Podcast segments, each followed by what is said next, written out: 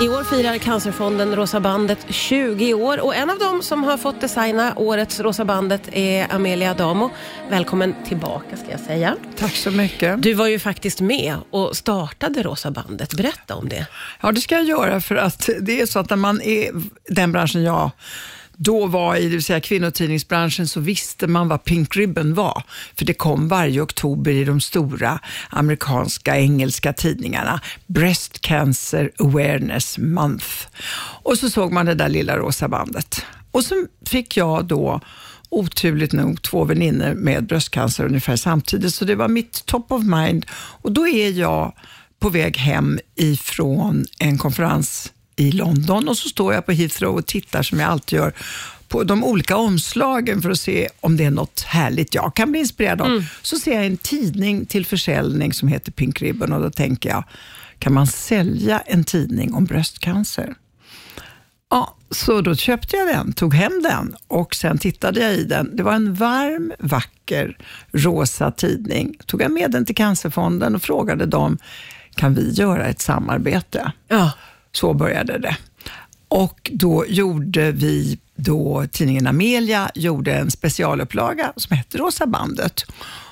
Och sedan dess har vi följt bröstcancerpatienter på alla längden och tvären i alla dessa över 20 år var det, för det här var lite innan, för 20 år sedan, som den första bilagan om Rosa bandet kom ut. Och Sen fortsatte jag i Tara och sen hade vi det i M-magasin. Ja. En slags uppmärksamhet kring bröstcancerfrågan. Och när Cancerfonden sen började med galorna, då kom de stora pengarna. Mm. Och bröstcancer har samlat in så mycket pengar också till mindre glamorösa cancrar som inte får in lika mycket pengar lika lätt. För mm. bröstcancerkampanjen Rosa bandet har varit så framgångsrik med allt från toarullar till de här rosetterna mm. till allt som har varit rosa. Och De forskarpengarna, det är stora pengar, det handlar om miljard.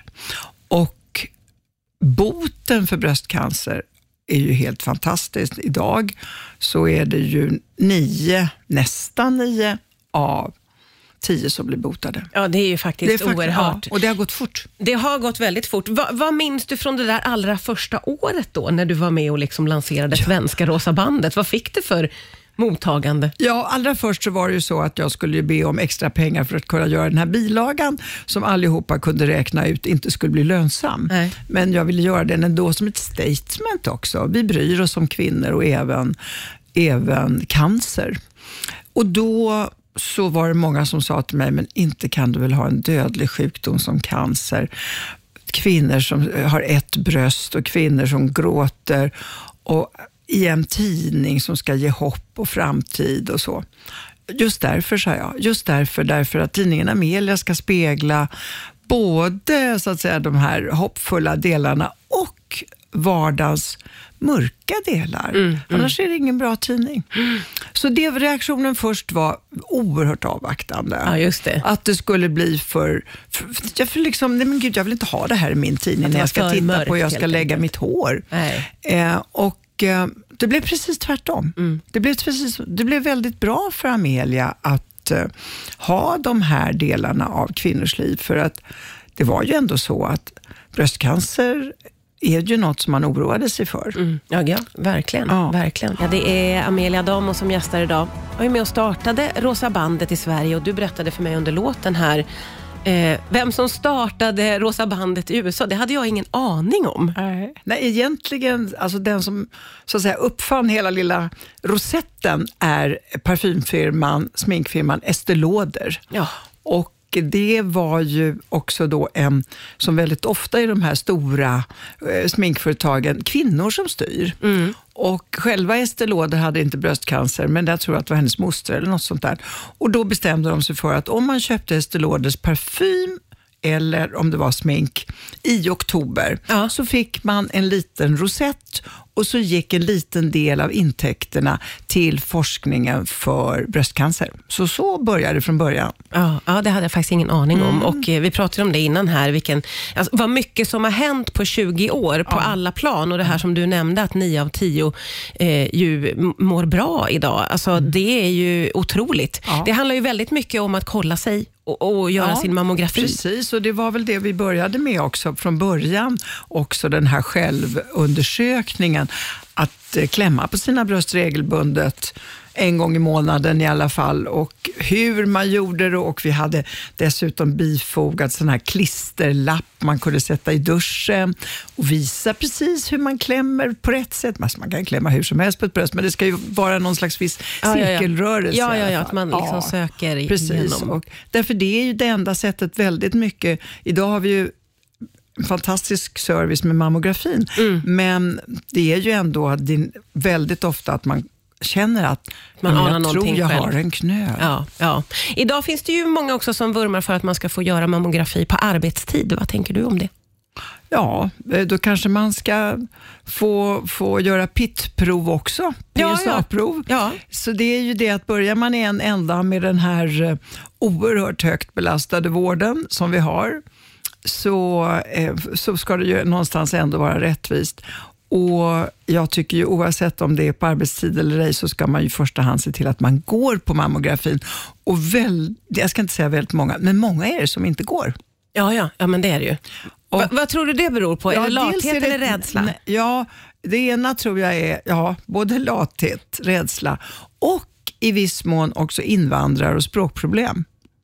Att man inte har koll på Nej, att det bör att man göras? inte vill, att man tycker det är för intimt, privat. Ja, ja. Och kanske en del män tycker att då måste jag gå med. Ja, just det. Ja, ja, det finns ju många aspekter ja, i det här naturligtvis ja. som man måste Men ta i beaktning. Men det är många som liksom ramlar mellan ja. eh, stolarna här av olika skäl. Ja, men verkligen så. Mm. fortsatt viktigt att påminna om mm. Eh, hur, hur pass viktigt det är med mammografi. Och en tidig upptäckt är ju en, en, blir ju också en mycket större skillnad ja. i ingrepp. Mm, mm, definitivt. Mm. Du har fått eh, frågor från våra lyssnare. Eh, det kan ju bli vad som helst, men jag tänker att vi drar igenom några om en stund här. Ta, se om jag kan svara. Ja. ja. det är Amelia Adamo som gästar idag. Har ju eh, både startat upp Rosa bandet och varit med och designat Rosa bandet i år, eh, när det är 20-årsjubileum. Eh, vi har bett eh, lyssnarna ställa frågor till dig. Du är en eh, spännande person som många är nyfikna på. Mm. Och Då har jag varnat dig för att nu kommer allt möjligt här, ja, ja. och du är beredd på det.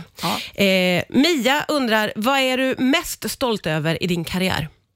Alltså jag är ganska stolt över att den här snöbollen, Rosa bandet, blev en lavin. Det kan jag säga. Ja. Annars är jag nog stolt över att jag har hållit i så pass många år med mina kvinnotidningar och att de har alltifrån att tjata om att unga tjejer ska spara till pension till att äldre kvinnor ska hålla sig i form så de kan eh, promenera med sina barnbarn. Jag är nog stolt över hela den där långa kanske arbetsperioden med eh, kvinnor i fokus. Det, ja. det ska jag säga att jag också är stolt över. Ja. Eh, Lotten undrar, hur ser en perfekt lördag ut?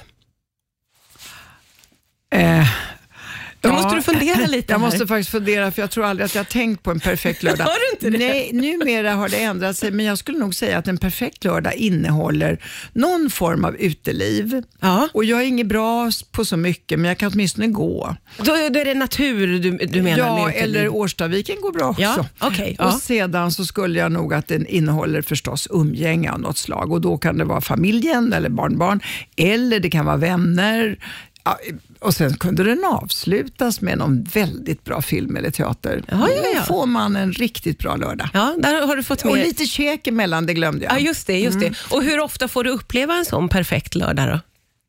Ja, det är inte helt ovanligt nu när jag är äldre. Förut så jobbade jag också på lördagarna ja.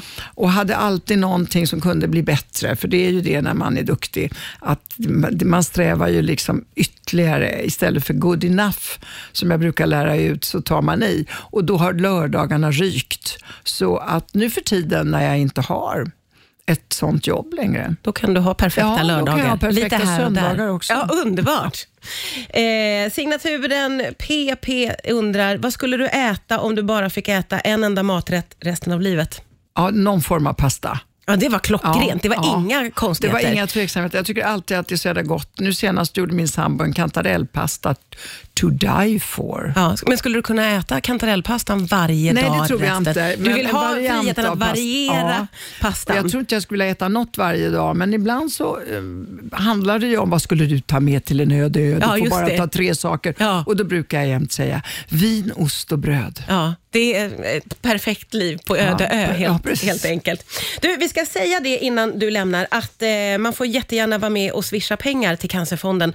Eh, 901 95 14 är det numret. Amelia Damo, tack för att du kom hit idag. Tack så mycket och jag vill också uppmuntra till det eftersom jag har sett resultaten.